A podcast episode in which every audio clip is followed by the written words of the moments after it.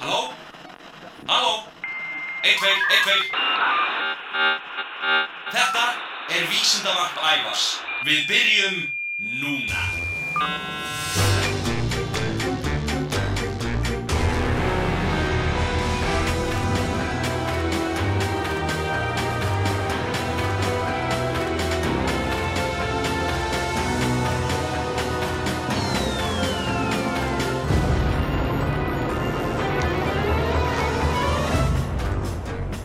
Komiði sæl og verið hjartanlega velkomin í Vísindavarpið.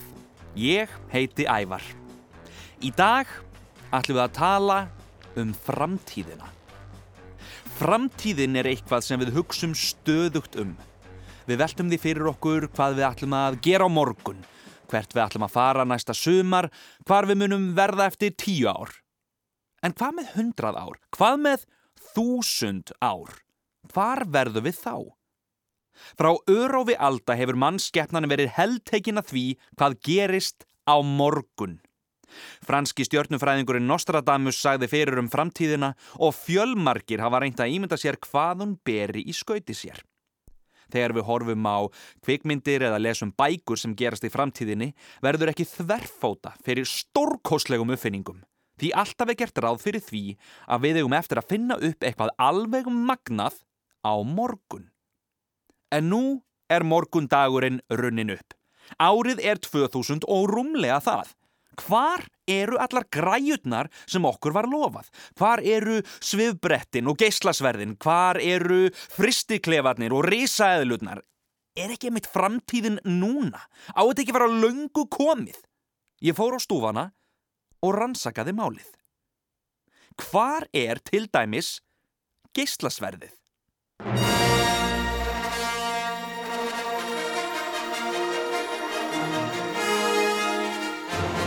Í könnun sem var gerð árið 2008 kom í ljós að geyslasverðið er vinsalasta vopn kvikmyndasögunar. Skautað bæði boga hróa hattar og svipunans Indiana Jones ref fyrir rass. Það vita allir að ekki er hægt að segra illa einræðisherra í geimnum að þess að eiga geyslasverð. Geyslasverð koma í allskynns litum og geta jafnvel verið tvöföld, jafnvel þreföld, sangkvæmt nýjustu mælingum. Sverðið er málmhjöld sem varpa út plasmageisla eða rafgasgeisla sem eru metri að lengt. Geislinn sker í gegnum nánast hvað sem er og það þarf varla að taka það fram að hann er stór hættulegur. Geislasverðið, eins og við þekkjum það, var fyrst kynnt til sögunar árið 1977 þegar kvikmyndin Stjörnustríð Star Wars kom út. Myndin, sem var í leikstjórn George Lucas, sló í gegn og í kjölfarið voru fimm aðrar framhaldsmyndir gerðar. Sjötta framhaldsmyndin er á leiðinni þegar þessi þáttur er gerður. Þá hafa tölvuleikir og teiknimyndaþættir sem gerast í sama heimi og stjörnustríð verið gríðarlega vinsælir og varla er til mannsbard sem ekki kannast við Loga Geimgengil, Hans Solo eða Hans Óla, Leiu Prinsessu, Vákin Tjúbakka eða Svarthöfða. En er virkilega enginn búin að finna upp alvöru geyslasverð. Árið 2010 tilkynnti fyrirtækið Wicked Lasers að það hefði framleitt fyrsta alvöru geyslasverðið. Það kallast á frumálunu The Spider 3 Pro Arctic Laser og er meira að segja blátt á litin eins og sverðið sem logi geimgengill á. Þetta geyslasverð er gert með díóðum en ekki kristöllum eins og í Star Wars. Díóða er rafeinda íhlutur sem hleypir rafströmi í gegn í aðeins eina átt. Geislin úr sverðinu er 1 watt og kostar gripurinn um 200 dali í bandaríkjónum, sem er ekkert svo mikið. En áður en þú hleypur til og pantar þér þetta glæsilega geislasverð á netinu, þá skaltu hlusta örlítið lengur. Því sverðið, líkt og geislasverðið í stjörnustríði, er stór hættulegt.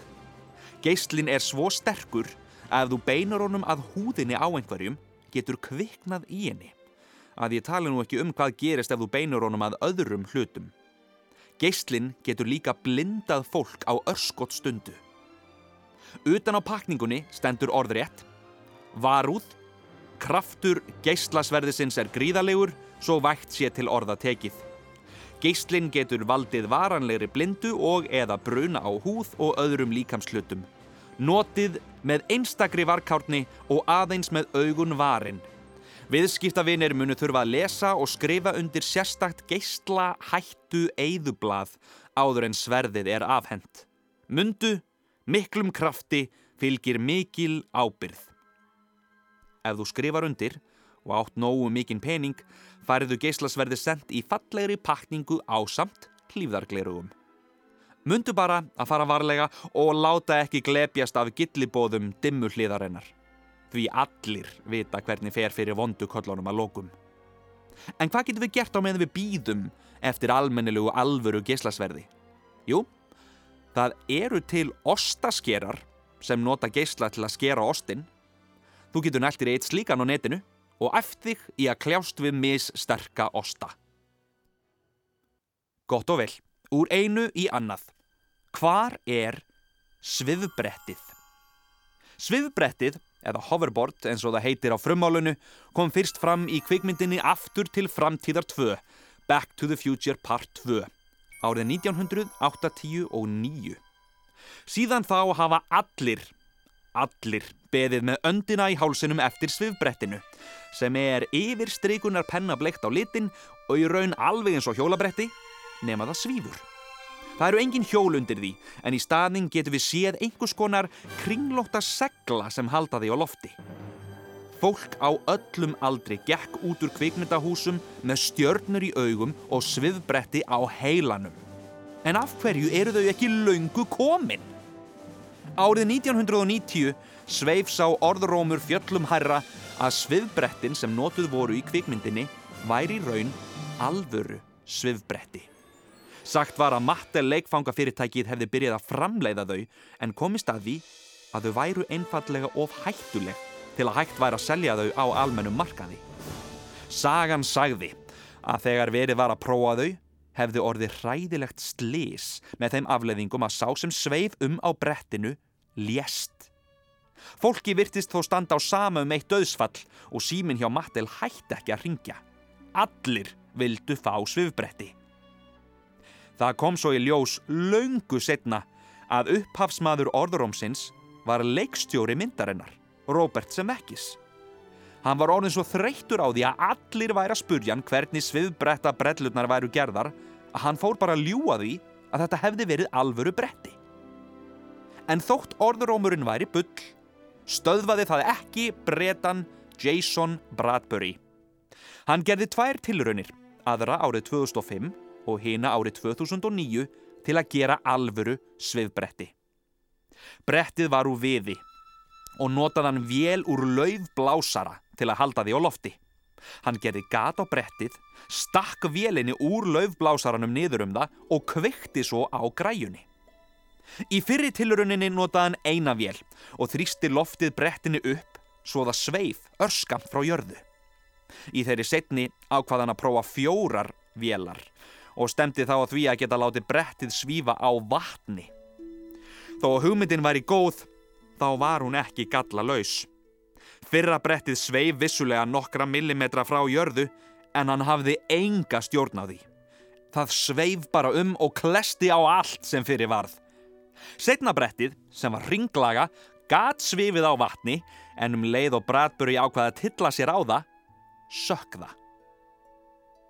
Franski listamæðurinn Nils Gudagnin bjóð til svifbretti árið 2008 sem gat í raun og veru svifið og var kyrt í loftinu.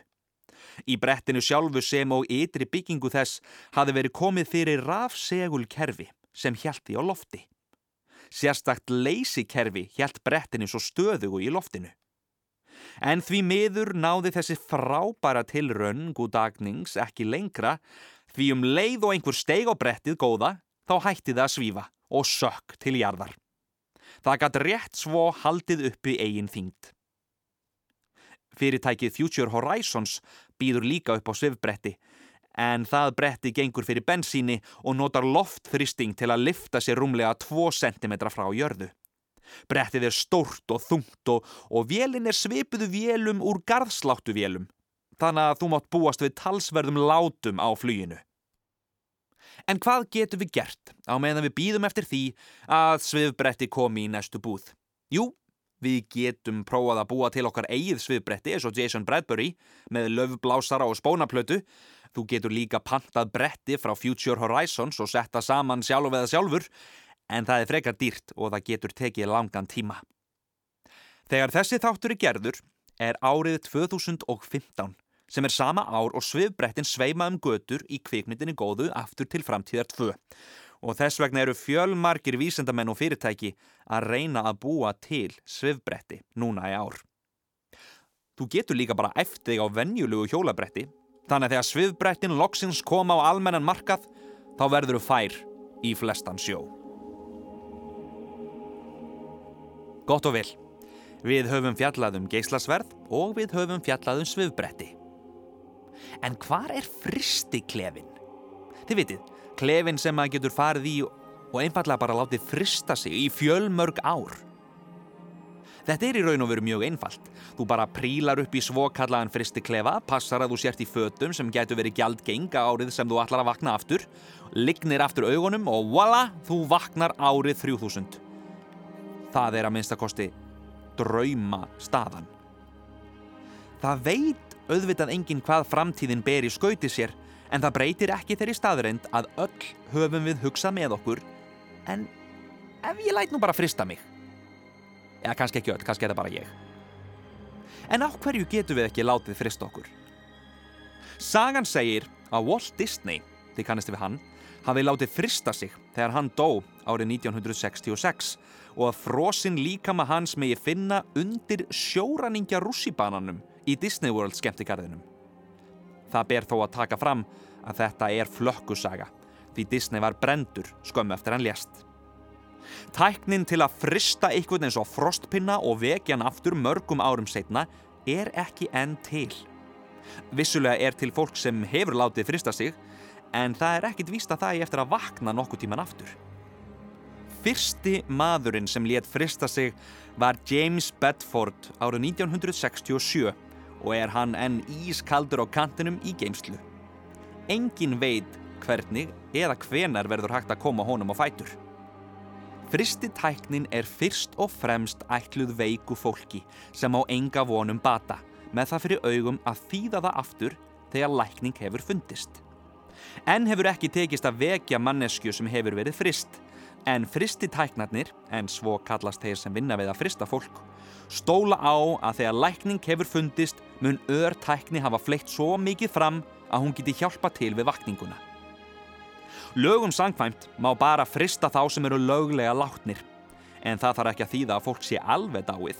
Það tekur heilan stuttan tíma að deyja og um leið og hjartaðir hægt að slá geta fristitæknarnir hafið undirbúningsvinnuna. Heilin er mikilvægastur og því fyrr sem hann fer á ís, því betra. Fyrirtækið Alcor býður fólki upp á að frista sig og er með yfir hundrað manns í geimslunni hjá sér. Þá eru þeir með næri því þúsund manns á byggðlista. Fyrirtækið rukkar 80.000 dali, 9,5 miljón íslenskra króna fyrir að geima heilan og 200.000 dali fyrir að geima allan líkamann, 23,5 miljón, auk árgjalds. Vísendamönnum ber ekki saman um hvort eða hvenar hægt verði að vekja frostpinnana. Sumir segja að innan fara áratuga verði tæknin tilbúin á meðan aðrir tala um aldir. En það er ein spurning sem við verðum að spyrja okkur áður en við ákveðum að frista okkur. Hvað er að lifa? Er það virkilega þess virði að fá að lifa nokkur auka ári framtíðinni þegar allir sem þú þekkir og þykir væntum eru dánir og hornir á braut? Hugsum málið. Hvað getur við samt gert á meðan við býðum eftir þessari tækni? Við getum fengið okkur ís.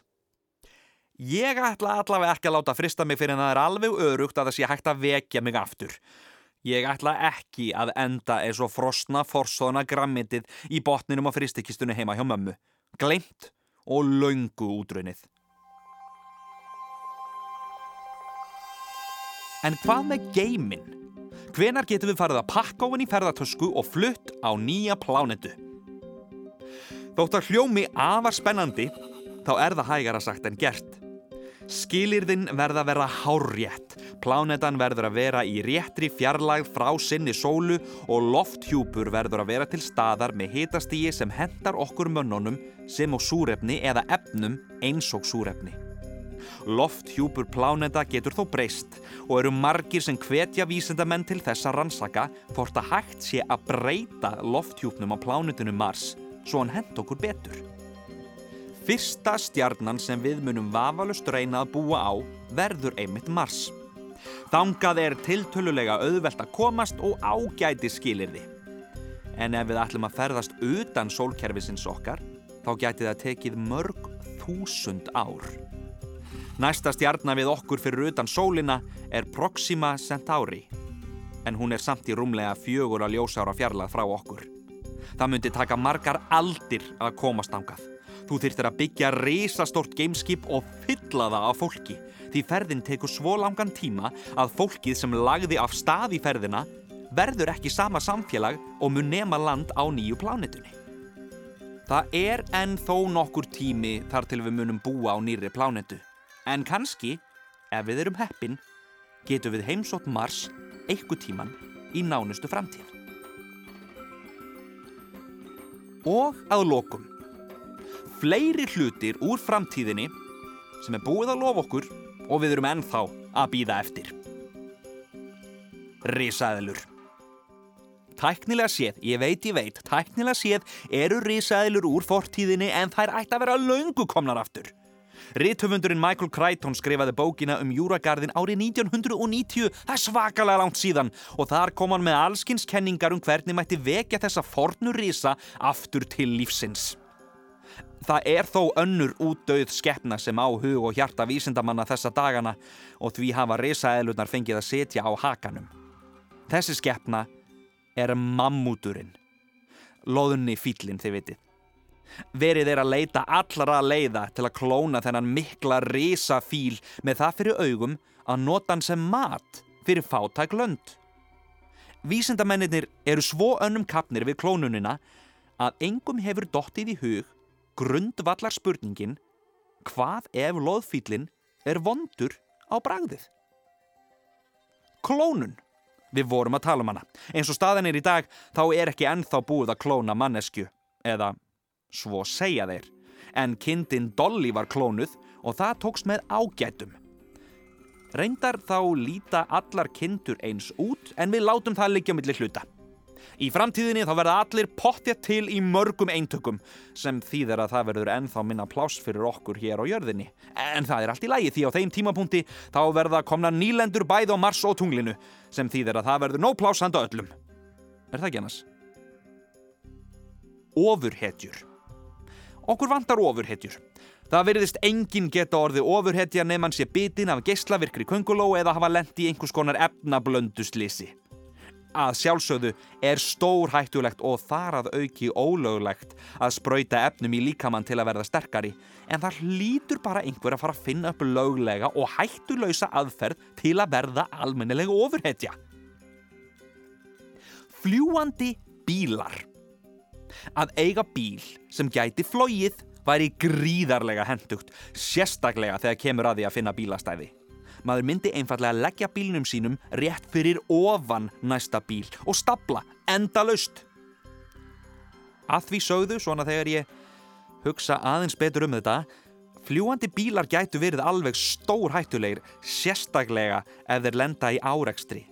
Því þá missaður auðvitað flugið og gangandi vekkfærendur ættu fótum sínum fjöra launa. Segjum þetta gott í byli af framtíðinni. En er í nokkuð að gleyma einhverju? Hugsaða málið. Hvernig heldur þú að framtíðin verði?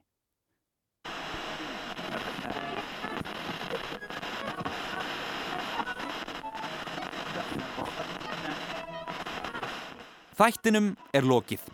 Ég vil þakka Vísindavef Háskóla Íslands, vísindavefur.is og um leið minna á heimasíðu þáttarins rúf.is skástrygg ævar. Þar getur hlustað á alla þættina og meira segja hlaðið þeim niður og þannig hlustað á þá hvar og hvenar sem er. Ég þakka fyrir mig, ævar vísindamadur, í nútíð og framtíð, yfir og út.